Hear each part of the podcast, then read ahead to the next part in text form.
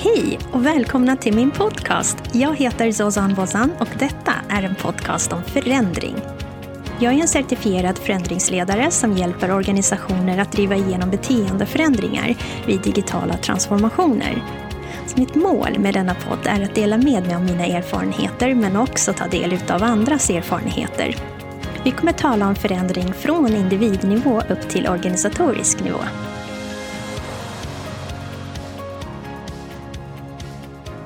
Min nästa gäst heter Urban Stenberg. Urban har skapat och drivit massa egna företag. Han har suttit i ledningen för miljardkoncerner och sedan 15 år tillbaka så tränar han människor i ledarskap, kommunikation och personlig utveckling. Vi kommer bland annat prata om att hitta sin röst, hur svårt det kan vara att skapa en förändring och hur befriande det kan vara att ta de där svåra samtalen och så otroligt mycket mer. Följ med! Hej Urban! Ja, tjenare, hej! Hej! Välkommen till min podd! Tack så väldigt mycket! Jag är så glad att kunna ha med dig i podden. Vi är ju egentligen eh, gamla kollegor så jag vet faktiskt vem du är och eh, har bra koll på dig. Men eh, jag tror kanske inte alla som lyssnar Eh, vet eh, vem du är. Så jag kommer nog be dig presentera dig själv. Vem är du Urban och vad gör du? ja, ja, det är en sån här gigantisk fråga. Att börja med. Var, var ska man börja någonstans? Men jag, jag, är väl en, jag är en nyfiken person kan jag väl säga. Jag, jag är en sån person som gillar att utforska saker, både, både de inre och de yttre världarna. Så, där.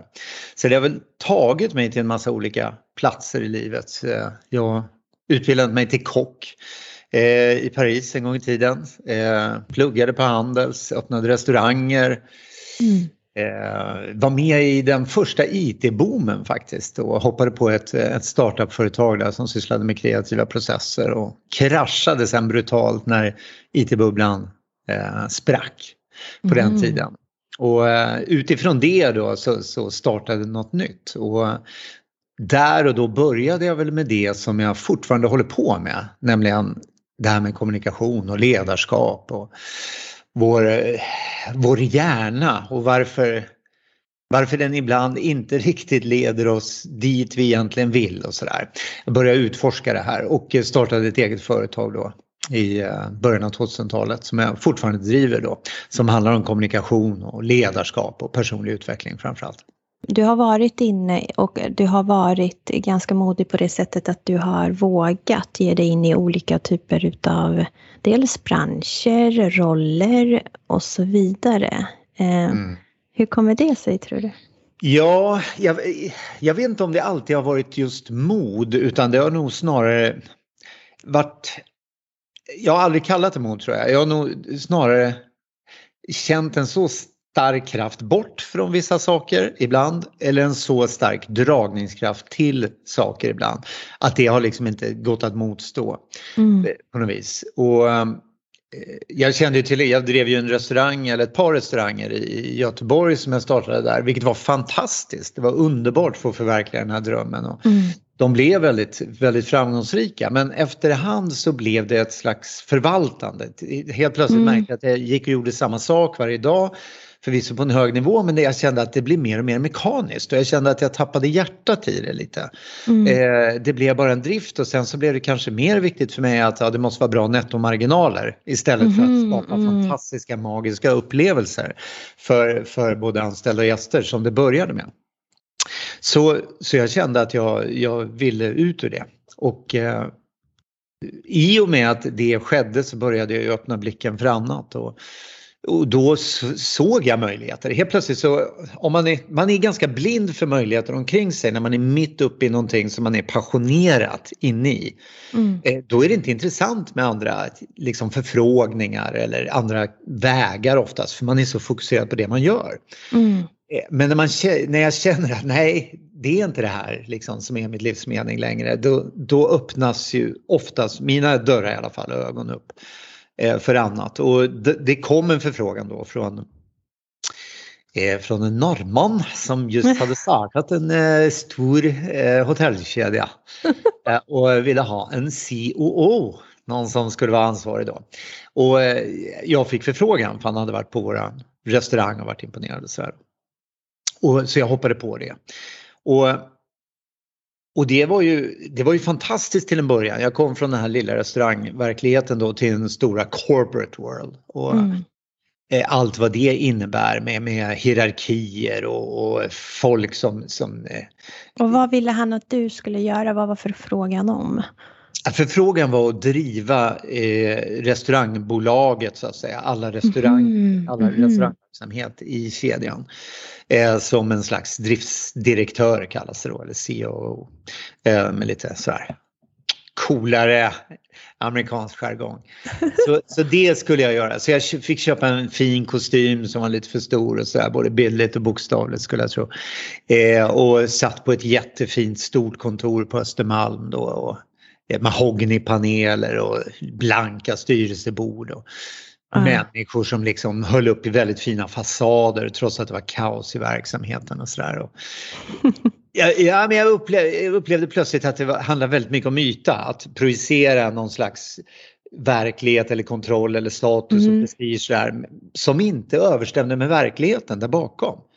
Mm. Utan man mm. byggde upp image, man byggde upp liksom modeller av framgång som man visade upp för varandra. Mm. Och jag upptäckte att jag blev mer och mer likadan. Jag tänkte mm. att, för alla sa ju till mig vilken framgång jag var. Jag var 32 år och var CEO för den här liksom, stora hotellkedjan som höll på att byggas. Och, och jag började tro på den där idén, att fan vilken framgång jag är. Men mm. samtidigt så kände jag ju inom mig att jag, jag hatade att gå till det där jobbet. Varenda morgon hade jag ångest när jag skulle iväg dit och, och spela mm. upp den här charaden då eh, mm. i styrelserummen. Och, det är så dränerande um, att att försöka hålla upp den här fasaden. Ja, har du varit med om det? Nästan att Ja, men har inte vi alla i någon fas i livet liksom varit med om det? Det är extremt dränerande extremt. Och mm. grejen är att det händer ju inte bara i arbetslivet, det kan ju vara i din relation också. Oh, där man ja, går upprätthållet, du vet på parmiddagarna. Man sitter uppe, ja nej det är så fint och barnen trivs jättebra. Vi har så roliga aktiviteter och nu ska vi faktiskt åka till Chamonix igen. Och så kul det ska bli. Fast man vet att shit, de, det är ett living hell där liksom så fort de lämnar den där middagen. Ah. Så, ah. så jag tror att väldigt många människor spendera väldigt mycket energi, precis som du säger, på att upprätthålla något sken av, av framgång eller lycka eller vad det nu än är. För att det blir för jobbigt att, att möta verkligheten för då måste man då måste man plötsligt ställa alla de där stora frågorna. Vill jag det här på riktigt? Och hur kände du då? Alltså, ja, men när du är där, 32 mm. sa du, mm. och du känner att nej usch, eh, nu ska jag gå upp igen den här morgonen och gå till ja. detta jobb. Exakt. Eh, nej men det kom till en punkt när, när det blev för mycket. Att, ja, alltså, antingen kan man kapitulera och säga, ah, men okej, okay, jag, jag köper det här. Det här är priset för framgång. Och sen så anpassar jag mig och sen glömmer man bort vem man var i princip. För man, det är priset man får betala för att vara kvar i den här karriärkarusellen. Mm. Mm. Och många hamnade där och jag kunde också hamnat där kanske men, men det gick inte. Det blev för fysiskt starkt. Jag kommer ihåg att jag satt en morgon inne på toaletten, jag tror jag satt en halvtimme inne på den här toaletten med bara huvudet i händerna och tänkte jag orkar inte liksom spela mm. det här. Och till slut bara bestämde jag mig, nej nu det får slut nu. Så jag gick rakt in till hörnkontoret till ägaren där och, och sa upp mig. Ja, du gjorde det? Ja, och fick mer eller mindre gå på dagen. Så, och jag kommer ihåg när jag, efter det beslutet, när jag lämnade det här flådiga kontoret på Östermalm. Mm. Jag öppnade de här tunga ekdörrarna och det var så här krispig vårdag. Det var lite så här kallt i luften men mm. solen lyste så där och det, det, var bara så här hög klar luft. Och det var bara som halleluja, det var freedom liksom. Mm. Och, ja, det var så en otroligt skön känsla för att, att verkligen ha lyssnat på den där inre rösten. Som vi alla ibland försöker tysta. Tysta ner, absolut. Jag tror också att eh, varför du kanske också kommer ihåg exakt när du... Jag tänkte på det när du sa att ah, det var vår och det var lite krispigt i luften. Jag tror när man, när man lite... Eh, engelskan har ju så ett ord som heter grounded. Du vet när man, när man hittar sina rötter lite grann. Vilket jag kopplar till att hitta sig själv eller sin core. Och när man står upp för sig själv eller för sin core, yes. eh, som du gjorde egentligen när du gick och, och eh, sa upp dig, så yes. tror jag att alla känslor, eller man blir lite mer vaken. Mm. Så man blir mer mottaglig för det som händer runt omkring en också. Och eh, då tar man ju in allting på ett helt annat sätt för att man liksom på något sätt är lite mer grounded. Men det är så häftigt. Det är, ja. Och modigt att du, att du vågade vid 32 års ålder säga, men vet du vad, det här är inte jag. Nej, det var ju många som sa åt mig att jag var en idiot. Fan, du vet, på väg upp i karriären på det här viset. Jag, så jag hade ingen aning om vad jag skulle göra efter det. Men jag brukar säga så här att, att någonstans inom oss så har vi någon form av värderingsbild liksom, av vad vi tycker är viktigt i livet mm. och vad, vad, vad vår moral är och hur man ska behandla andra människor. Och, mm. och så att säga. Och, och stampar man på de värderingarna eller den moralen, vilket man får göra ibland, betala priset, liksom, spela politiken, corporate och så vidare. Mm. Jag tror att varje gång man stampar på de värderingarna så försvagas man som människa. Du säger ju det här med att vara grounded och det är ju faktiskt att vara stark, stå, stå i det som är sant för en själv. Och varje gång man står upp för sina egna värderingar och det kan vara i vilken situation som helst. Det kan vara att reagera när någon eh, drar ett eh, rasistiskt eller sexistiskt skämt eller vad det nu än är. Om det liksom inte rimmar med ens egen eh, egna värdemönster. Att faktiskt reagera och säga till då. Mm. Varje gång man gör det, varje gång man står upp för sig själv och det man tycker är viktigt och sant på riktigt så blir man starkare. Mm. Och det gör också att det blir lättare att göra nästa gång och nästa gång och nästa gång. Och varje gång man gör det så kommer man närmare, tror jag, till sin egen, om vi ska säga sanna väg då eller mm. Liksom att, att börja faktiskt lyssna på den här inre rösten någonstans som, som och jag talar inte om rena impulser nu som jag vill ha godis nu. Utan jag talar om det som är förankrat djupare. Det som är, djupare än så. Ja, det som är sant för en själv. Och det, det är så lätt att liksom köpslå med det för att man får fördelar i form av karriär eller status eller prestige eller vad det nu är. Jag tror det är i slutändan köpslår det alldeles för länge så kommer det inte vara hållbart. Nej. Jag tror att majoriteten utav oss liksom eh, Jag tror det kommer ut i form utav att eh, Alltså dåligt mående oh ja. av olika slag. Jag är helt övertygad om det och jag tror att det tar fysiska uttryck också. Och mm. jag tror att du blir, du blir rik men bitter. Ja. och då undrar man, undrar man, är det värt det? ja, nej precis, men, men många gör ju den värderingen att det, det är så jäkla viktigt. Och, och yta blir viktigare och viktigare och viktigare i den här eran av, av liksom visuellt bombardemang. Våra mm. barn växer upp liksom med Instagram filter på mm. bilder på människor som ser absolut perfekta ut. Då räcker mm. inte filtrerna, men då, då går vi och opererar oss för att vi ska se sådär perfekta ut. Exakt. Så, så det dras ju just nu till sin spets. Så, och jag tror det är extremt skadligt. Eh, och det var ganska roligt, jag, nu bara. Alltså, säga, nej, men det, det, var ju en kvinna som vittnade nu inför senaten, en hög produktchef på Facebook, jag vet inte om du såg, läste du om det eller? Nej. nej. Okay. Och, hon vittnar ju nu, eh, hon var ju väldigt högt uppsatt och, och, och eh, var med och styrde algoritmer liksom för att eh, skapa innehåll och rikta innehåll och så vidare. Och man visste ju internt om, det finns interna dokument, man visste att det är extremt skadligt för unga eh, att eh, med den typen av fokusering de gör, bland annat för, för unga tjejer då, och deras kroppar och kroppsideal och kroppsuppfattning yeah. Yeah. Och, och liksom kopplat till depressioner och till ätstörningar och så vidare. De visste om det. De visste och det var dokumenterat att det var skadligt och hade de effekterna. Och de mm. kunde ha åtgärdat det genom att ändra algoritmerna men de gjorde inte det. Mm. Trots vetskapen om det. Mm. Och och så stark är ju girigheten när man mm. styr på KPI och, och nettomarginaler och där mm. siffrorna eh, styr ens handlande. Och så sker inte bara där, det sker i så många företag där man stampar på moral, där man stampar på mänskliga rättigheter, på på det mesta för att liksom uppfylla det där ebitda, nettomarginal på olika Mm. nivåer i företag. Mm. Och det är så man belönas. Och där, Mm. därför styrs beteendena mot det också. Det krävs otroligt mycket mod att sätta ner foten och sätta stopp för det. Mm. Eh, därför att maskineriet är så starkt. Mm. Men om vi backar tillbaka och tänker på den förändringen du nu gjorde eh, eh, vid 32 års ålder, att du eh, vågade liksom säga upp dig och eh, lyssna på ditt inre, ta en annan väg. Jag ser det som en förändring. Oh Det var det. Men vad tänker du när jag, eh, när jag säger ordet förändring? Vad känner du? Vad tänker du? Bara när du hör ordet. Ja, eh, jag har ju alltid tyckt om förändring. Jag har ju alltid Varför? tyckt om nya upplevelser. Därför att Ja, ja, för mig finns det en slags magi i det. När, när saker blir för invanda och sådär så, så jag drabbas lätt av leda.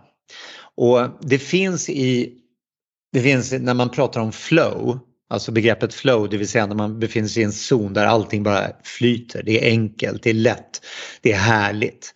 Eh, så finns det på ovansidan av flow eh, i den här kurvan, det är när utmaningen är för stor, när förändringen är för stor, då skapar den prestationsångest. Mm. Vilket kan göra att man låser sig. Mm. Men om förändringen är för liten, om utmaningen är för liten och man bara upprepar i princip det man gör tidigare, då finns det något som heter leda. Det vill säga man blir fruktansvärt uttråkad. Man blir nästan Mm. apatisk och likgiltig. Så på undersidan av den här flowkurvan så finns då leda och på ovansidan prestationsångest. Och utmaningen är då att befinna sig i mitten på den här kurvan, i den zonen där man har tillräckligt stor utmaning för att man ska känna lite pirr men samtidigt känna, ja men jag är ändå kompetent nog, alltså jag tror jag kommer att klara av det här. Ja. Är Ja. du med? Jag Så- brukar kalla det för att jag gillar att bli lite svettig, brukar jag säga. Ja. Och då, Ja. då är det precis som du säger. Det får inte vara för mycket så att jag känner, aj, aj, aj, aj, Ja. nu orkar Nej, jag precis. inte. Men det Nej. får inte vara för lite heller så att jag känner, men det här, det här Nej. var ju en barnlek. Eh, så du har helt rätt, jag är helt med dig. Och de där kurvorna är väldigt olika för människor. Eh, vissa människor kan uppleva prestationsångest väldigt, väldigt tidigt. Eh, och, och stå ut mycket, mycket längre med Mm. att göra samma typ av uppgifter och känna väldigt stark trygghet i det. Vilket är Mm. helt okej. Men, Mm. och jag vet inte vad det här är genetiskt eller, eller om det är miljöorsaker eh, som gör att det är så här för mig. Men men jag har alltid velat pröva saker. Alltid velat. Jag är ingen galen adrenalin-junkie sådär. Som går igång på att liksom kasta mig naken ut från en zeppelinare och hoppas att jag landar mjukt. Liksom. Eh, men, men en viss utmaning har jag alltid strävat efter. Och jag Mm. älskar de här aha-upplevelserna när jag plötsligt får lära mig någonting nytt. Mm. Det, alltså, eller se eller förstå någonting nytt. Det är, en av, det är kanske de starkaste upplevelserna jag haft i mitt liv. Tror jag. Mm. Mm. Eh, och det kan vara inom vilket område som helst, personlig utveckling eller skidåkning eller, eller vad du vill eller i en relation. Det kanske är därför också du har vågat ge dig in i så många olika eh, branscher och så. Ja, det, jag tror att, Att det är en väldigt söker lite efter de där, aha, ja precis. Ja. precis. Och sen får man ju balansera det och det har ju varit min utmaning då för att jag har ju ständigt varit några steg före mig själv. Så jag har Mm. haft svårt egentligen att vara närvarande och verkligen njuta i nuet. I, i liksom den Mm. upplevelse jag har här och nu för jag vet, jag är ständigt på väg någonstans. Mm, i mm, nästa upplevelse eller mm. sådär. Och kanske missar det som händer Ja. just nu lite grann. Mm, mm. Precis. Så, så det har jag jobbat jätte, jättemycket med för att lyckas vara. Det är så intressant. Jag pratade med min eh, lillebror igår eh, och nu när du nämner det här så eh, han är 33, han är brandman och har jobbat med det i flera år och så. Mm. Och sa just att jag tror jag behöver en förändring. Ehm, och jag tror att jag behöver, precis som du säger när du förklarade kurvan och jag tror att han är i leda. Att Mm. det inte är tillräckligt utmanande ehm, ehm, på vissa områden. Men Mm. självklart eh, så är det utmanande eh, eh, inom an andra områden eh, mm. beroende på, eh, eller jag menar med tanke på att han är brandman. Mm. Och, ja, och då, då sa jag, men vad vill du göra då? Vad, vill du, vad skulle du vilja? Eh, Uh, jag tror jag skulle ändå, han har ett IT-intresse, mm. uh, skulle vilja satsa inom IT. Så sa jag, ja men IT är väldigt stort, kan du vara lite mer specifik? ja, jo. Säger du som har järnkoll. Ja, precis. Ja. Kan du vara lite specifik? Ja, nej men jag kanske skulle kunna kanske utveckla det så. Då, vad skulle du ge honom för råd? Han står eh, inför att nej men jag, jag vill nog vidare, men hur gör jag? Mm. Jag sa, du behöver ta reda på, eh, kanske utforska lite det olika, eh, det olika, vad säger man, olika yrken och arbeten som finns inom IT. Och mm. sen se om det finns något intresse där. Mm. Och kanske inte tänka på endast att här är det lite bättre lön. Och som vi alla mm. känner till så tjänar ju inte brandmän, sjuksköterskor och liknande så bra mm. i lön. Och mm. eh, jag gav rådet att kanske inte bara vara fokuserad på lönen och liknande utan verkligen försöka hitta eh, först i ditt intresse för mm. en viss, ett visst yrke inom inom IT och sen kan du gå vidare efter det. Mm. Och då är du kanske lite mer på detaljnivå eh, när, när, du tittar på, och det, jag förstår att du resonerar eftersom du har sån otrolig koll på IT-världen och vet hur komplex den är. Uh. Eh, och han har någon diffus idé kanske om att ja, men IT låter, det låter häftigt, jag vill in i den världen på något vis då. Men jag, jag tror att och, han befinner sig i ett skede där han är beredd att göra en förändring och det, det är ju bra. Han liksom är i startgroparna men han, mm. och IT dök upp som en möjlighet. Då. Men jag skulle nog vilja ta reda på varför han vill göra den förändringen. Vad, vad är det han har som någon idé om, om sitt liv. Varför vill han ha den förändringen till stånd? Vad är det han hoppas uppnå med en förändring? Jag, Förstår frågade, vad jag menar? Ja, jag frågade det och då sa mm. han, jag tänker på min framtid och mm. eh, just som brandman, det sliter så otroligt mycket på kroppen mm. och så. Och sen behöver jag lite mer stimulans, alltså utmaning rent intellektuellt. Alltså, ja, intellektuellt, du förstår vad jag menar. Att, mm. eh, eh så, så det var väl hans två främsta anledningar. Och då sa jag, aha men det är intressant och mm. eh, han har köpt lägenhet och ska flytta. Yeah. Och då när jag sa, men då kanske vi kan höras av nästa vecka så får vi se om du har googlat lite och se om du har hittat några roller eller ja arbeten inom IT som kanske funkar för dig. Ja, mm. ja, fast jag ska ju flytta, du vet, jag vet inte om jag behöver hjälpa till där och då kommer ju den. Du vet. Ja, ja, ja. då kommer det hindren. Och det här är ju en coachingmodell som man, mm. alltså han har ju ett nuläge mm. och, och han är inte nöjd med nuläget. Eh, helt enkelt och det av en mängd olika anledningar och de kan man ju lista upp. Och, och, man kan göra dem jättejobbiga också. Så att man verkligen vill bort från det på riktigt för det är ju en propeller liksom mot uh. Och uh. sen måste man ju också ta fram ett önskat läge och man måste göra det önskade läget tillräckligt attraktivt för att man ska börja faktiskt agera. Och då får man kanske lägga in andra aspekter. Hur ser ditt liv ut då? Vad har du för relationer? Var bor du? Eh, hur känns din kropp? Eh. Vad, vad upplever Jättebra. du här inne? Alltså att man mm. gör den bilden väldigt mm. stor och attraktiv. En liten målbild. Eh, ja. Så att du har ett starkt ifrån, att du vill ifrån, och att du har ett starkt till ja. som drar. Så du har liksom dubbla magneter, en som repellerar dig bort ja. och en som drar dig till. Och när du har det, då kommer precis det du säger, så kommer, den resan är ju inte spikrak utan det första man kommer till är hinder. Yes. Och ibland är det mentala hinder, rädsla för förändringen för han vet ändå vad han gör, han är duktig brandman, han kan mm. det här. Mm. Eh, oh, hur, vad händer i den nya världen, då kommer jag inte ha den här kontrollen längre. Och så vidare. Det, det kan ju vara interna hinder. Sen kan det finnas yttre praktiska hinder. Ja, men jag mm. hinner jag ska flytta. men andra, det kan finnas andra praktiska hinder också. Men jag kanske absolut, måste flytta. Absolut. Ja. Ja. Men Istället för att fokusera så mycket på hindren så måste man fokusera på resurserna. Vad finns det för resurser? Har du lyckats med förändringar tidigare? Eh, mm. Finns det människor omkring dig som kan hjälpa dig? Jag menar du är ju bästa resurser man kan ha för att mm. leda någon rätt till exempel. Men finns det mm. även andra relationer, resurser, möjligheter som man kan använda sig av? Absolut. Och sen när man har identifierat det, ja, men då, då går man på att agera. Okej, vad är ditt första steg? Och då behöver inte det vara att säga upp sig på jobbet. Utan det kan vara, ja men jag ringer det här samtalet. Ja. Och så måste du säga då till honom, ah, okej, okay, när gör du det? Mm. och då börjar det bli lite jobbigt för honom. Ja, och det, det var exakt det. Det här är så roligt, för vi har ju inte pratat eh, med dig om det här tidigare. För jag sa det till honom, fast det steget måste du ta.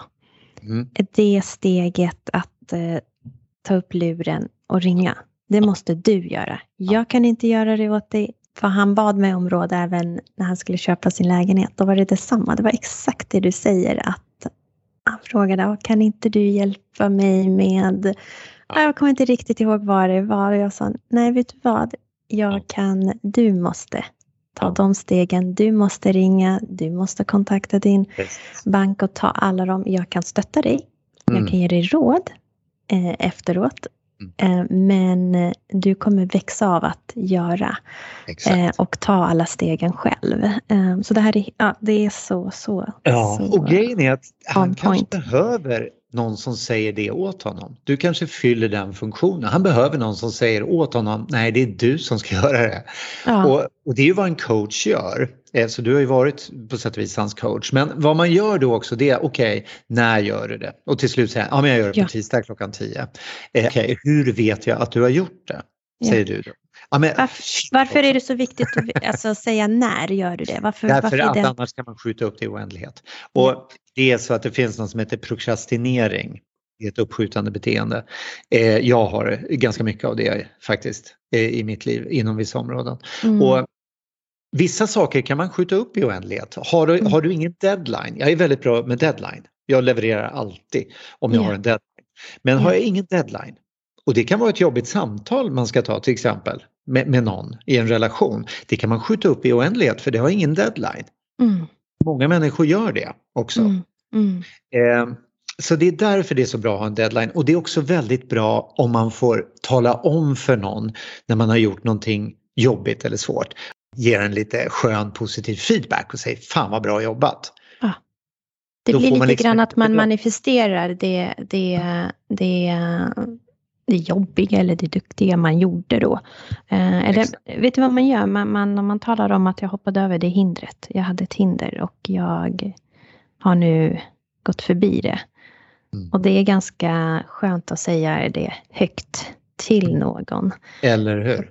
Mm, Men har du någon egen sån upplevelse där du har lämnat någonting där du var trygg och, och eh, var tvungen att ta det här steget? Med, och hade ett visst motstånd och hade hela den här tankeprocessen.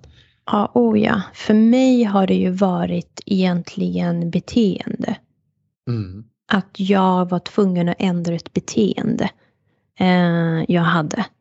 Vad var det specifikt för beteende? Eh, för mig har det ju varit att eh, i grund och botten att ändra, jag vet inte om det är beteende, men det är hur jag talar till mig själv. Tankemönster alltså? Ja, ja det kanske tanken, ja. ja. Eh, och det eh, resulterade utmynnade i olika, eh, i, olika, eh, i olika situationer som inte var mm. bra för mig. Mm. Eh, där man också var med eh, drog till sig kanske olika typer utav personlighetstyper som inte var så bra för mig. Vad var din inre omkring. dialog? Man blir nyfiken. Min inre var dialog var inte så bra. Min inre dialog var ju att du förtjänar inte det här, du kan inte det här. Eh, vem vill ha dig? Och mm. så vidare. Det var väldigt nedtryckande och eh, det är ingenting som man ändrar upp eh, över en dag men det blir sakta men säkert bättre. Mm. Eh, och jag jobbar ju självklart fortfarande med det. Men det var det. Det var att jag var tvungen att eh, ändra eh, min inre dialog. Ändra det jag sa till mig själv varje dag i olika situationer. Mm. Och börja skapa de här nya tankebanorna. Exakt. Och, och, och jag tror jättemånga känner igen sig i det. Och, och nummer ett är ju att först medvetandegöra sig om att man faktiskt har den dialogen. Många ja. tänker den är där automatiskt har alltid varit där. Och när du säger, du vet när du nämnde tidigare aha-upplevelse, när jag fick mig förklarat varför man gör som man gör, tänker som man tänker, om det har nu med anknytning att göra eller inte. Då, det var ju som om en hel värld öppnades upp. Mm. När man får den informationen man har saknat Exakt. blir ju, du får verktyg. Du mm. får verktyg för att kunna åtgärda. Mm. Oj, oj, oj, oj, oj. Då mm. snacka om att ha upplevelser. ja, jag ser det på dig. Mm. Uh, det, är en, det är en fantastisk upplevelse och, och jag tror att väldigt många går med tanken att ja, men sån här är jag. Sån är jag, det går liksom inte ja. att ändra på. Jag, ja. jag är född så här. Ja. Och och då gör man ingenting åt det heller. Och det, det, är också ett slags mentalt hinder för förändring. För även förändring som kan vara väldigt, väldigt positiv kan skrämma människor. Därför att de är ändå bekväma i det de har. Och det kan vara en destruktiv relation mm. eh, där de blir psykiskt och kanske till och med fysiskt misshandlade. Men de lämnar ändå inte den relationen därför att det finns en trygghet i det. Och ja. den kanske också bekräftar den där inre dialogen som säger att du förtjänar inte bättre. Mm. Och ibland den man lever med, det här är ganska vanligt, eh, kanske säger det, upprepar, förstärker det också. Du förtjänar inte bättre, det är ingen som kommer att vilja ha det ändå. Så det är mm. bättre att du stannar i det här. Så det är ju det, alltså, jag tror att också när man är i, i mönster där det är destruktivt så är det ju det är det man är van vid. Det är den känslan man är van vid och det är ingenting som man känner, ah, eh, nu ska jag helt plötsligt bryta detta mest. Nej, nej, vi är vana människor. Vi söker oss eh, känslomässigt också mm. till det vi är vana vid. Och jag tänkte att du sa någonting ganska tidigt att du drog till dig människor som, som kanske var destruktiva också. Och har du den inre dialogen så är det ju den, den typen av människor som kommer bekräfta att du har rätt. Ja, för jag tror inte att det av ren slump dyker upp människor i mitt liv som inte är så bra för mig. Eh, att det bara är en slump. Nej, Absolut nej. inte. Inte om man ser att det är inte bara en gång. Nej, eller två det finns gånger. Ett mönster. Det finns ja. ett mönster. Är det ett mm. mönster med vad är den Exakt. gemensamma nämnaren? Det är jag. Mm. Vad, jag. vad har jag för Jag säger inte att det de gjorde är rätt, men um, jag har ju en del i det hela också. Varför så, så kallat tillåter jag det då? Mm. Exakt. Och Ändrar du då de här tankarna, ändrar du din inre dialog och börjar bli lite vänligare mot dig själv. Eh, jag menar, inom all sån här personlig utveckling så säger man du måste älska dig själv annars kan du inte älska andra. Och det är ganska långt steg att gå från att jag är värdelös, jag förtjänar inte bättre och så vidare till att jag älskar mig. Så mm. jag tänker så här att man kan börja med att bara gilla sig själv lite grann. Och, och man kan börja med att gilla små delar av sig själv. Om jag har ett härligt leende som sådär. Ja, det har jag faktiskt. Man börjar med små, små saker. Ja. Och, och, och, det blir en långsam process och till slut kanske man kommer till en punkt att fan, jag, jag gillar verkligen mig själv. Ja. Så. Men det yeah. behöver inte gå över en natt utan man får mm. börja lite. För att när du börjar förändra dina tankar om dig själv, ja men då kommer du per automatik helt plötsligt att tycka att du förtjänar att vara i vissa sammanhang med vissa människor. Göra saker där du sticker ut och står för det och så vidare. Och, och det kommer att vara helt okej. Okay. Du kommer inte ha den här dömande censuren i huvudet, den här elaka rösten som trycker ner dig. Vem tror Absolut. du att Absolut, så det har varit en, eh, alltså det tycker jag. Om, om jag tittar tillbaka och man har ju i arbetslivet och i, i andra sammanhang också stått inför förändringar och så. Mm. Men det ser jag inte alls som jättestora utmaningar utan mm. för min del så har det varit det inre som mm. har varit min stora eh, förändring och där jag har känt så här, här har jag varit modig. Mm. Eh, här har jag vågat eh, dels fejsa det som inte är rätt och våga göra något åt saken sakta mm. men säkert som du nämnde. Och man kommer falla. tyvärr så är man människa så att det Exakt. är ju så att man tyvärr, det kommer dyka upp ett hinder igen och man Ja. blir arg på sig själv. Jag borde vetat bättre. Men sen, så, jag, sen så tänker man, nej just det, det var ju nya tankebanor. Man ska ju Ja. vara lite så här, jo men vet du vad? Alla gör fel. Det Ja. gör inget. Nu går vi Exakt. vidare. Lite snällare. Kom Ja. igen nu. Ja, för att plötsligt blir du medveten om dina egna mönster och medveten om den här rösten. Mm. Och då kan du andas lite, ta ett steg tillbaka och Mm, kanske mm, välja ett annat beteende. Du kommer fortfarande få känslomässig reaktion.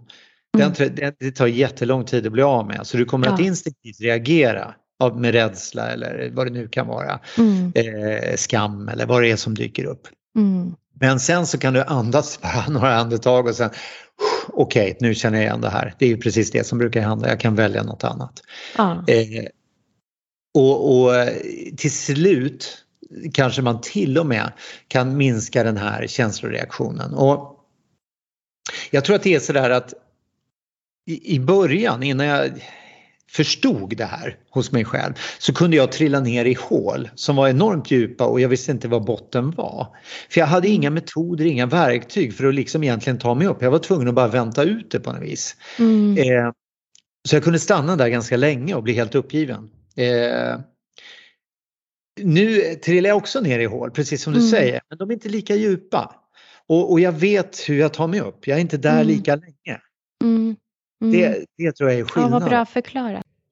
Och det är också sådär, jag var på något, en utbildning en gång, en otroligt duktig eh, kille som heter Svagito eh, och håller en utbildning som heter familjekonstellationer som är en väldigt intressant psykologisk process då, eller terapeutisk process. Och eh, Mm. han sa så här med, med sin eh, lite tyska accent då. There are certain people who call themselves enlightened. You know they have no problems. They just accept the universe as it is. Uh, and I normally say to them, uh, go live uh, one week with your mother and then come back and tell me if you're enlightened. Klockrent. Så, ja, Exakt. Nej, men underbart. och jag tror att vi har alla de här resorna att göra och, och, och många, många samtal att ta eh, naturligtvis i våra liv. Och sen kan man lära sig hantera sitt liv på ett väldigt bra sätt. Och, Mm. och inte ha de här låsningarna i, i relationerna. Mm. Utan mer acceptera att människor är människor, de kommer att göra Mm. fel. Eh, våra föräldrar kommer alltid att göra fel liksom, som vi kan hålla dem ansvariga för resten av livet och bli bittra över eller acceptera att de är människor liksom, med tillkortakommanden som kanske gjorde det bästa de kunde under de förutsättningarna. Absolut. Om vi tittar i arbetssammanhang, för jag vet ju att du coachar eh, chefer, du coachar olika typer av ledare. Så. I vilka sammanhang kommer förändring upp? Mm. I, det finns ju olika perspektiv när man coachar ledare. Dels är det ju perspektivet där de som ledare ska driva förändring. Mm. Eh, och förut sa man, man fanns utbildningar som hette ledarskap i förändring Just det. och i motsats till vanligt ledarskap. Men idag är ju allt ledarskap i förändring därför att tillvaron och omständigheterna förändras så kvickt. Mm. Att vi hela tiden måste ha den, det tankeperspektivet. Och det, det största problemet de ofta har det är att folk inte verkar vilja förändringen eller anammar förändringen trots att den ju är så himla bra. Mm. Utan de till och med kanske upplever att, att de anställda motarbetar förändringen, sätter käppar i hjulet för dem och så de förstår inte varför. Men i en förändring så är det ofta så om du sitter i en ledningsgrupp till exempel att eh, ni har pratat om den här förändringen ganska länge. Ni har stött och Mm. blött problemen fram och tillbaka, tittat på olika scenarier och så vidare. Eh, Och sen till slut kommit fram till att det här är ju kanon. Vi, Mm. vi, vi måste göra vi måste göra det nu. Det är världens bästa grej för företaget. Och när man är på den platsen då har man ju gått igenom en process som började kanske med motstånd, ifrågasättande, till och med förnekelse, måste vi förändras och så vidare och kommit fram till en plats där man helt har anammat förändringen eh, och, och tycker att det här är det bästa som kan hända vårt företag och våra medarbetare. Mm. Och sen, då går man rakt ut i organisationen och talar om för alla att nu blir det förändring imorgon och det är världens bästa förändring. Det är bara att hoppa på tåget. Och tänker att alla ska vara lika entusiastiska som de är. Ja. Problemet är ju bara att de man talar till då, de är ju på ruta ett.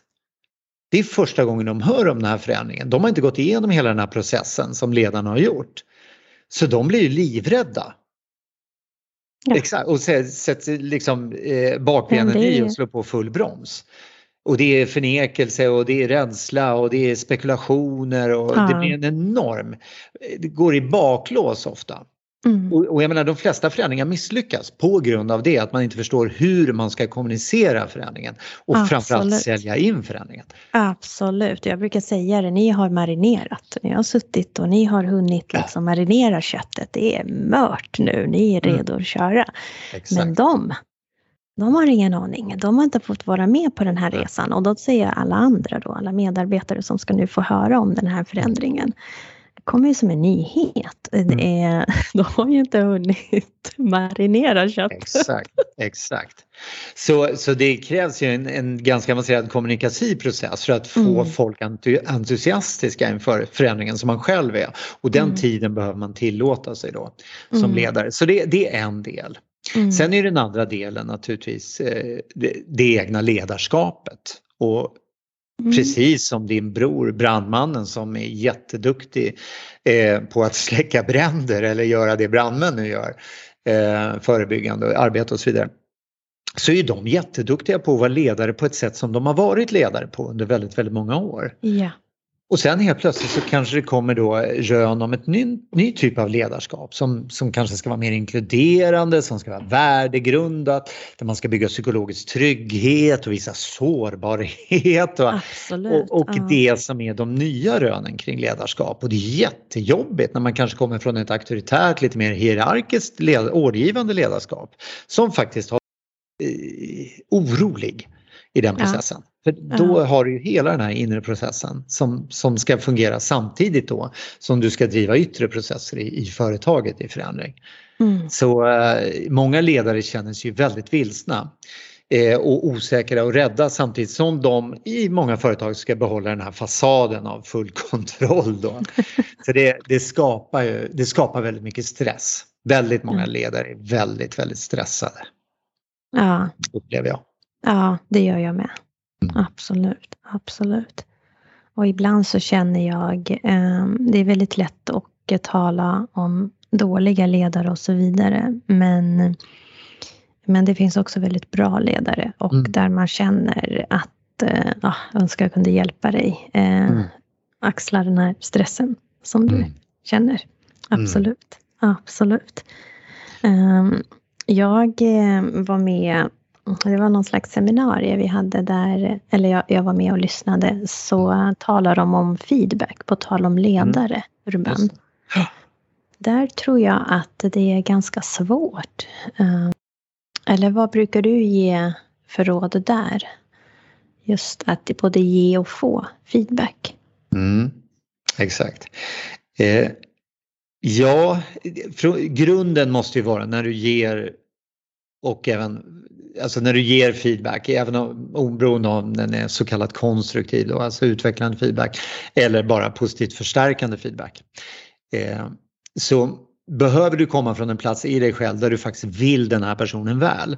Mm. Och du kan ju vara hur irriterad och frustrerad som helst på den här personen. Det är för fan nionde gången jag säger till nu. Vilken idiot kanske du tänker inombords. Men det mm. kan ju också vara så att du har kommunicerat din feedback på fel sätt. Mm. Eller du har gjort det i affekt. Eller när mm. den andra personen har varit i affekt. Så att mm. han inte eller hon inte har varit mottaglig för feedbacken så att säga. Så du behöver andas och du behöver tänka jag vill den här personen väl. Därför jag vill att den ska utvecklas. Jag vill att den faktiskt ska må bättre, göra ett bättre jobb, eh, fungera bättre med sina arbetskamrater eller vad det nu är. Så jag kommer från positionen jag vill dig väl. Om du inte kan hitta det, då blir det inte feedback. Då mm. blir det correction, vad säger man? Tillrättavisande. Mm. Eller det som förr kallades för negativ feedback. Mm, och bara ordet negativ feedback gör att det blir att det blir inte så här härligt laddat direkt när man ska gå in och ge någon negativ feedback. Mm. Så bara formuleringen gör ju att många backar för att göra det. Men sen, alltså först kom ifrån att vilja personen väl och sen det här är ju grundregler då att, att man utgår från jag-perspektivet. Istället mm. för att säga jag säger till dig, eh, Susanne du är ju så jävla slarvig. eh, då ger jag dig en dom. Mm. Att du är den slarviga bosen. Liksom. Mm. Och, eh, och då när man får en dom sådär, oberoende av om man har en inre dialog som kanske håller med någonstans, men så vill man ändå gå i försvar. Och, och då, då helt plötsligt, nej, förra veckan så kom jag faktiskt i tid tre gånger och, och jag gjorde fyra Excel-mallar som var perfekta och så har vi liksom mm. en konflikt kring det här. Mm. Om du är den slarviga eller inte. Men mm. Om jag kommer in till dig och jag säger åh men Susanne nu, nu ser ju ditt skrivbord ut på det här, alla papper ligger överallt och det här äpplet har ju du, alltså det har ju legat här en vecka nu, halvätet liksom. Eh, jag menar, kan inte du städa upp lite grann så skulle jag känna mig så mycket tryggare med att du hade lite kontroll. Ah. Då handlar det helt plötsligt om mig och min upplevelse. Och, och, det är inte så att du kan säga nej så känner du inte alls. För att det gör jag ju. Det yeah. det är, bara min upplevelse, min subjektiva upplevelse. Och bordet ser ju faktiskt ut på det här viset. Så jag är ju väldigt konkret och specifik kring yeah. vad det är jag skulle vilja att du ändrar. Istället för att yeah. bara allmänt svepande säga att du är så jävla slarvig. Eller mm. folk tycker att du är så jobbig. Eller vad man nu säger. Eh, och då har du en möjlighet att göra någonting åt det helt plötsligt. Eller så kan du välja att skita i det för du fan jag vill ha det så här, det känns kreativt, Urban är en idiot. Så, men nu har du liksom en valmöjlighet. Exakt, så, Nej, men det är så viktigt. Grundreglerna, liksom att, mm. att vilja väl utgå från jag-perspektivet och eh, vara väldigt specifik och konkret i vad det är man ser, hur det påverkar en och vad man vill att man gör istället. Då mm. brukar det vara enklare. Mm. Och sen så kan man ju säga också så här, i och med att de flesta ska jag säga, jag sa ju det så att många känner mm. säkert igen den där inre dialogen. Mm. Eh, ju, vi matas med det på, på något vis. Bombarderas av budskapet att vi är inte tillräckliga, vi, vi borde ändra på oss, vara något annat för att bli godkända. Liksom. Så, så behöver vi väldigt mycket positiv förstärkning i att det vi gör faktiskt fungerar och är bra. Vi suktar efter det, vi tycker om det, det är härligt. Och ger man det till någon så, så kommer man få det tillbaka också. Det är så mm. härligt att se när någon lyser upp. Mm. Men vissa kan ha jättesvårt för att de har den där inre dialogen och säger nej, nej, han säger bara så för att vinna poäng eller eh, mm. för att han ska låna pengar sen eller vad det nu är. men, men man brukar nästan säga en ratio eh, eller liksom ett förhållande 1 till 5. Så fem positiva feedback och en utvecklande feedback.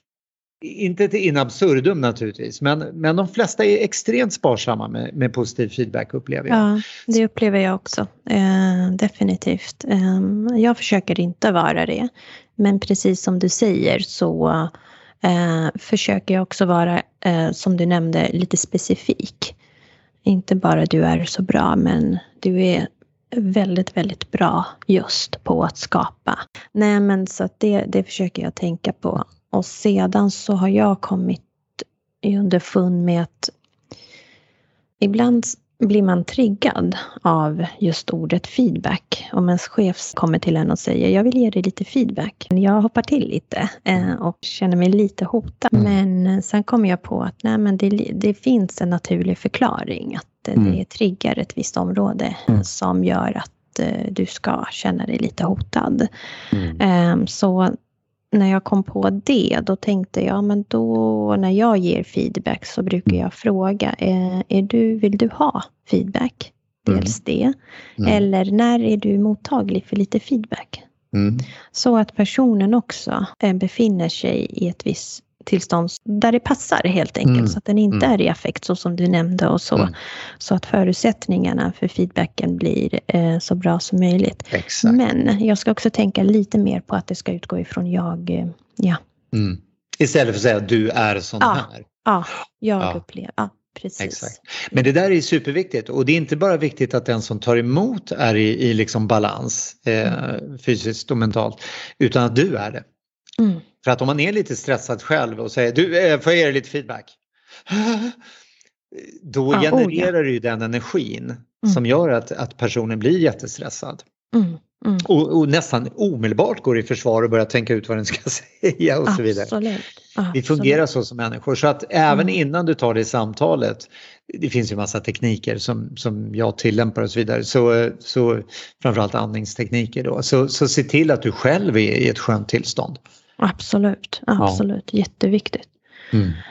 Men Urban, om jag får be dig om något exempel som du har som, som du bär med dig eh, just när det kommer till förändring. Jag vet inte om det har varit i något coachingsammanhang eller från ditt egna liv eller, eller så ehm, som du kanske vill dela med dig. Mm. Ja, jag tror att den viktigaste den, egentligen den viktigaste förändringen, det, det har ju hänt mycket i arbetslivet och så vidare, men som kanske inte har varit lika laddat ändå. Eh, så det, det, är nog egentligen, och det är det vi har pratat om tidigare, det som faktiskt påverkar oss så mycket, det, det har varit relationen till min, till min mamma. Eh, och hur den har förändrats och hur, hur jag tog tag i det. Mm.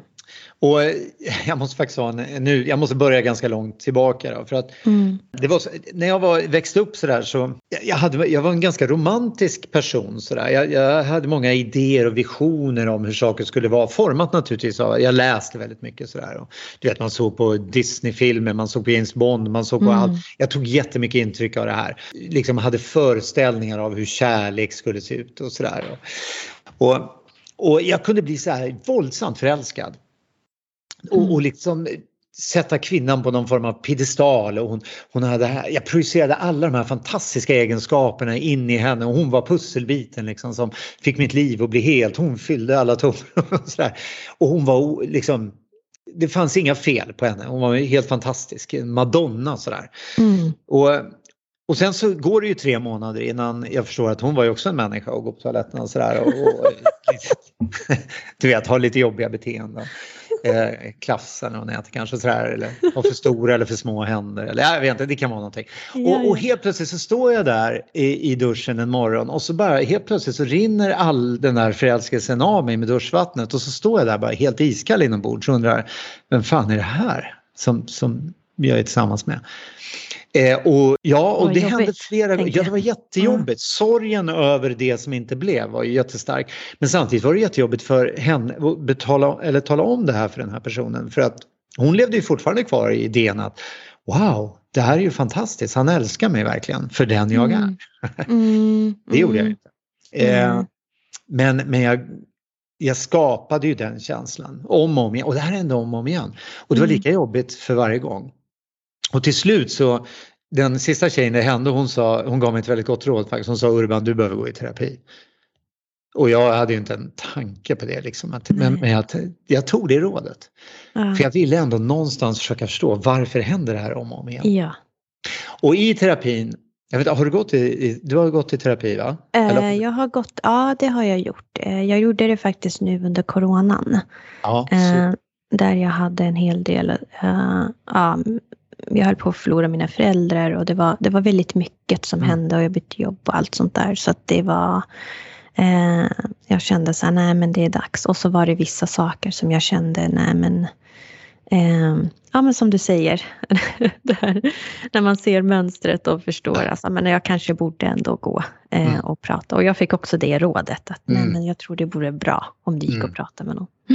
Och det är ett fantastiskt råd. Det kan jag ge till alla. Men, mm. men det som hände då, och kanske hände i din terapi också, det var ju att vi började leta på ställen som jag inte hade letat på eller kanske inte ville leta på heller. Och mm. det, det hamnar ju i relationen ganska snabbt då till föräldrarna och, och kanske framför allt då relationen till mamma som jag ju också hade satt på en piedestal. För när hon och pappa skilde sig, jag var 11 år så, här, så, så blev ju hon den goda liksom och han den lite mm. den onda. Han var Darth Vader och hon var mm. prinsessan Leia liksom. Nästan så här binärt svartvitt liksom. Mm. Och, eh, och till slut så i den här, och sen så slog det över, pendeln slog över helt i den här terapin, det gick ett år, till att allting blev hennes fel.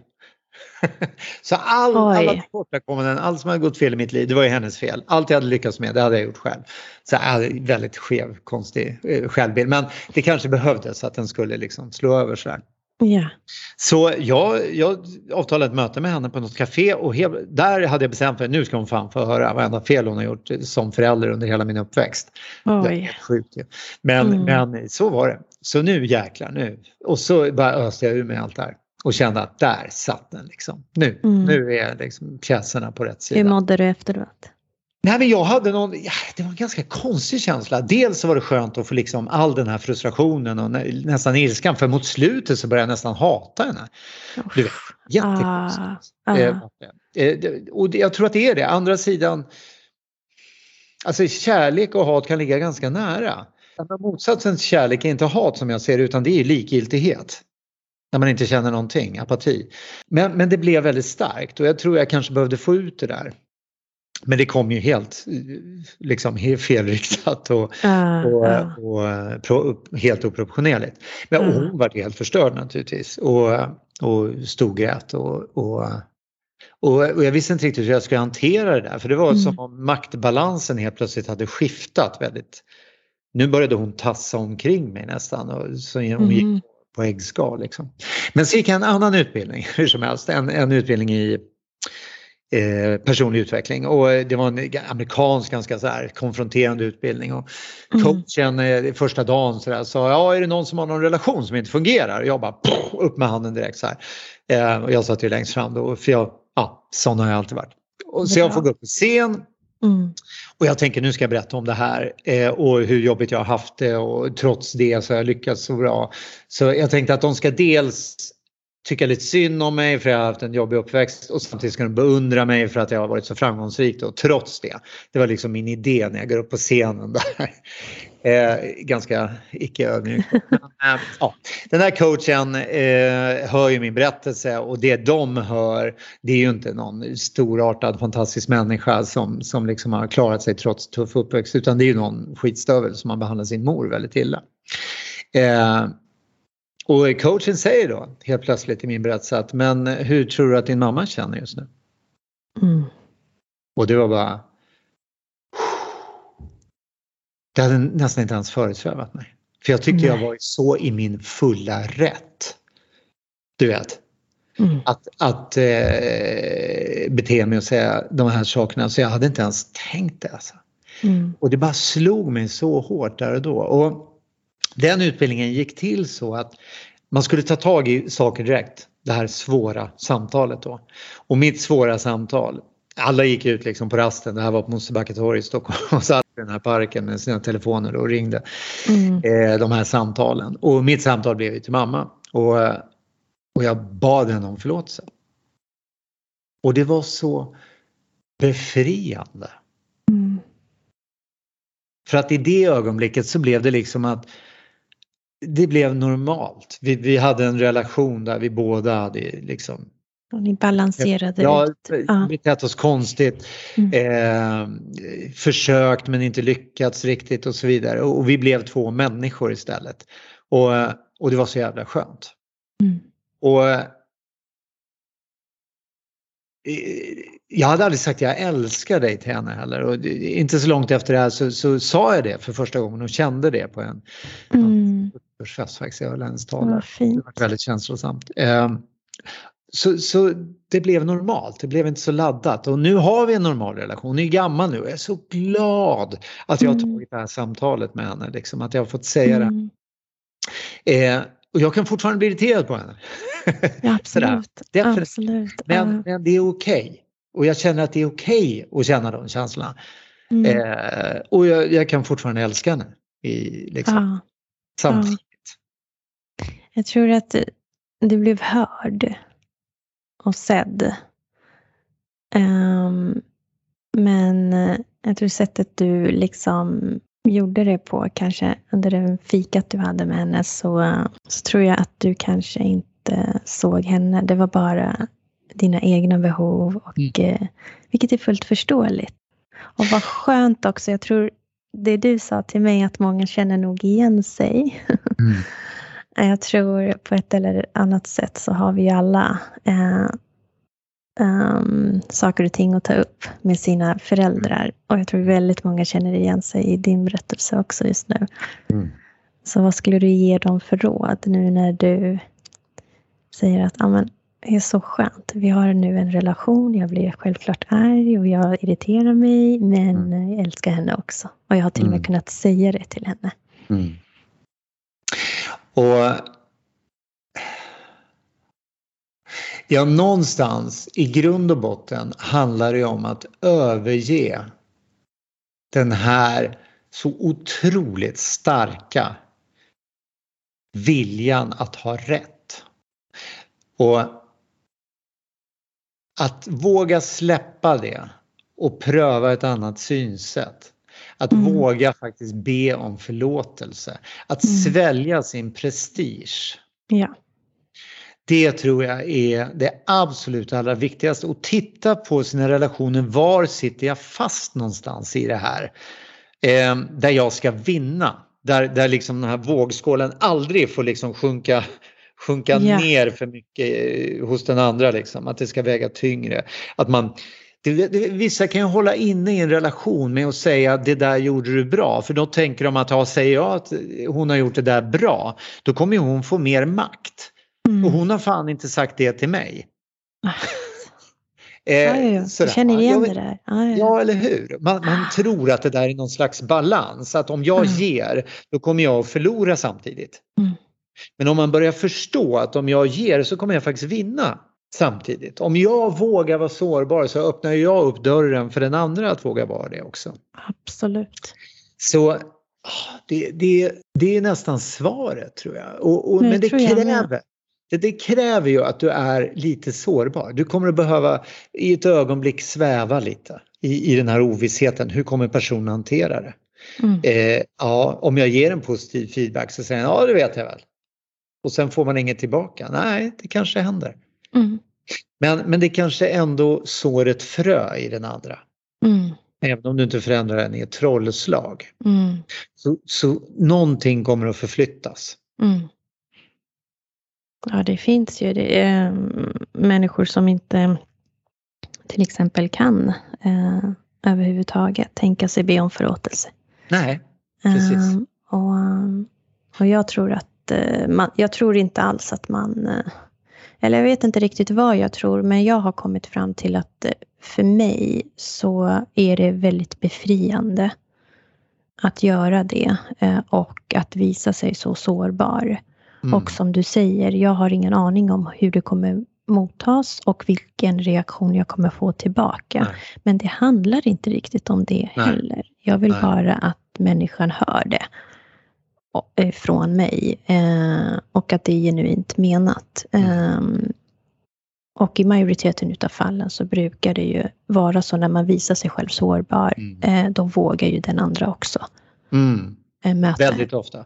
Men mm. du har ju helt rätt där och inte vara låst vid, vid reaktionen. Att det måste, alltså jag åkte ner till min farsa och, och tänkte att eh, nu ska jag reda upp den här relationen också. Han är emotionellt totalt. Oh. Han har inget språk. Eh, gamla stammen, mm. uppfostrade. Hans mamma ja, tog visst. honom i hand när de träffades efter ett halvår. Liksom. Så det, mm. han, han hade aldrig fått de verktygen, det fanns inte hos honom. Men jag tänkte att det skulle bli som en amerikansk film. I love you man, yeah, I love you son. Du vet att det skulle sluta sådär, men det gjorde ju inte det. Va? Men, men sen, sen förlikade jag mig med att han är den han är. Mm. På grund av hur han har blivit uppväxtbehandlad och, och sedd. Mm. Och jag kunde se bortom hans liksom, ganska hårda då, skal. Mm. Den där lilla pojken där inne som aldrig fick mm. kärleken, som aldrig mm. fick närheten och sådär. Så jag kunde mm. förstå. Och, och, det hjälpte mig. Och för att absolut.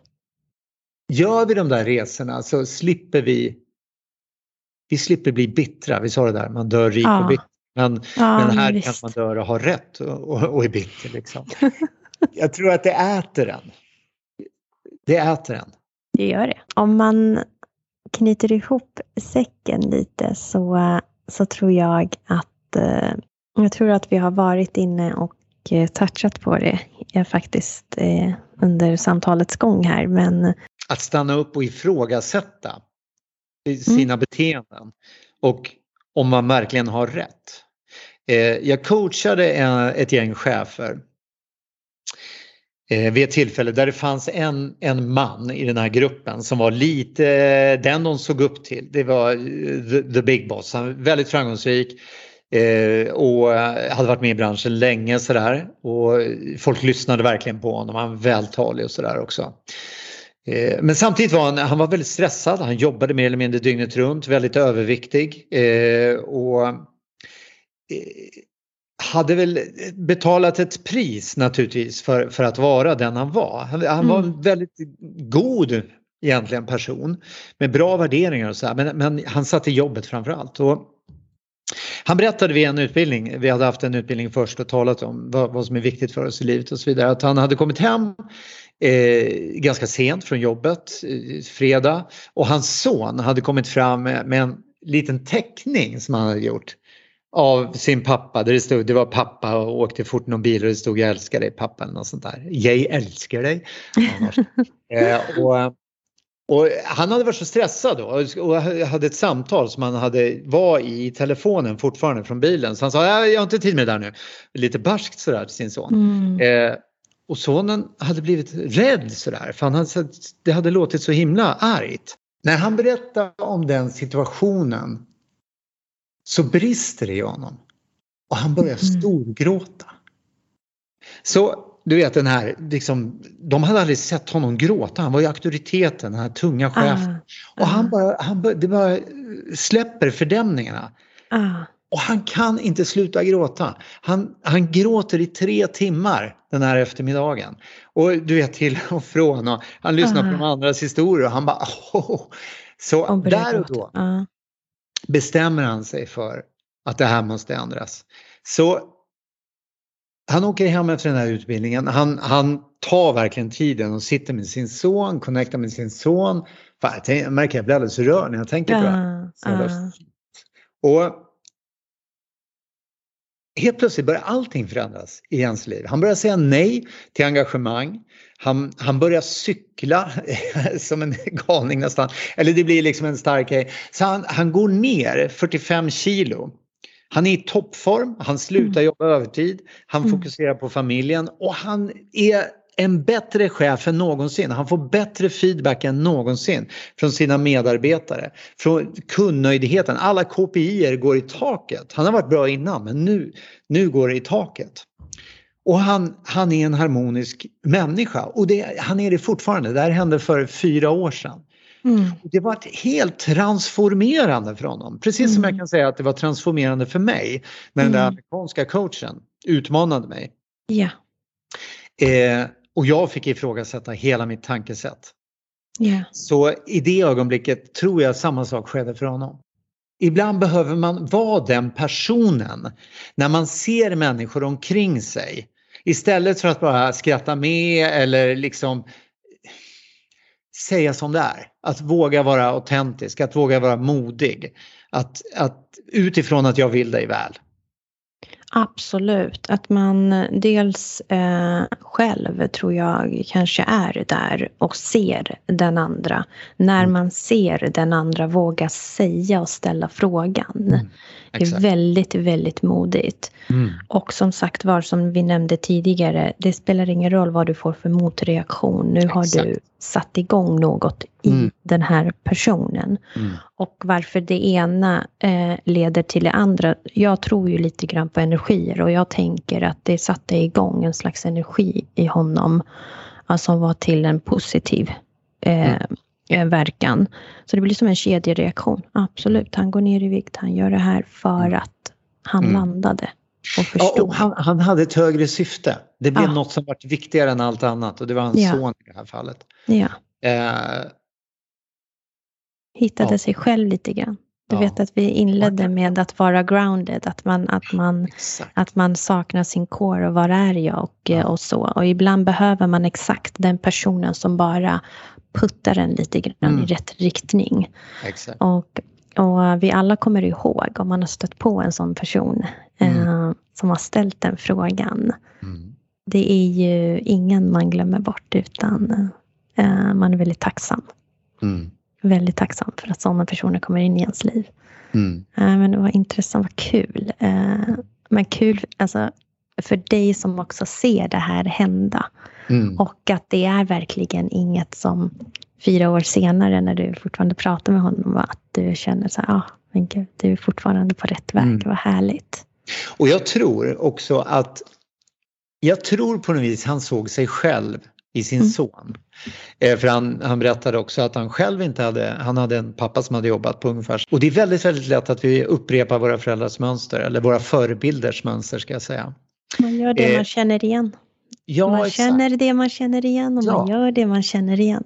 Ja. Absolut. Men när man får syn på de här mönstren och beteendena och precis som vi talade om tidigare, de inre rösterna och så vidare, då kan man ta ett steg tillbaka. Och jag tackar min pappa eh, för den han var därför att då kan jag välja något annat för Felicia som är min dotter. Mm. Att vara där för henne, att se henne, att tala om för henne att jag älskar henne. Mm. Eh, och vara närvarande. Och, mm. Så det har hjälpt mig. Men du har hjälpt dig själv också. Du hade kunnat fortsätta i pappas spår också. Mm. Det ska man också ge sig själv. Ja, vad modig jag vad bra jag Vad härliga vi låter hörru. det tycker jag. Du Urban, jag skulle kunna sitta hur länge som helst och bara fortsätta prata men eh, vi måste runda av.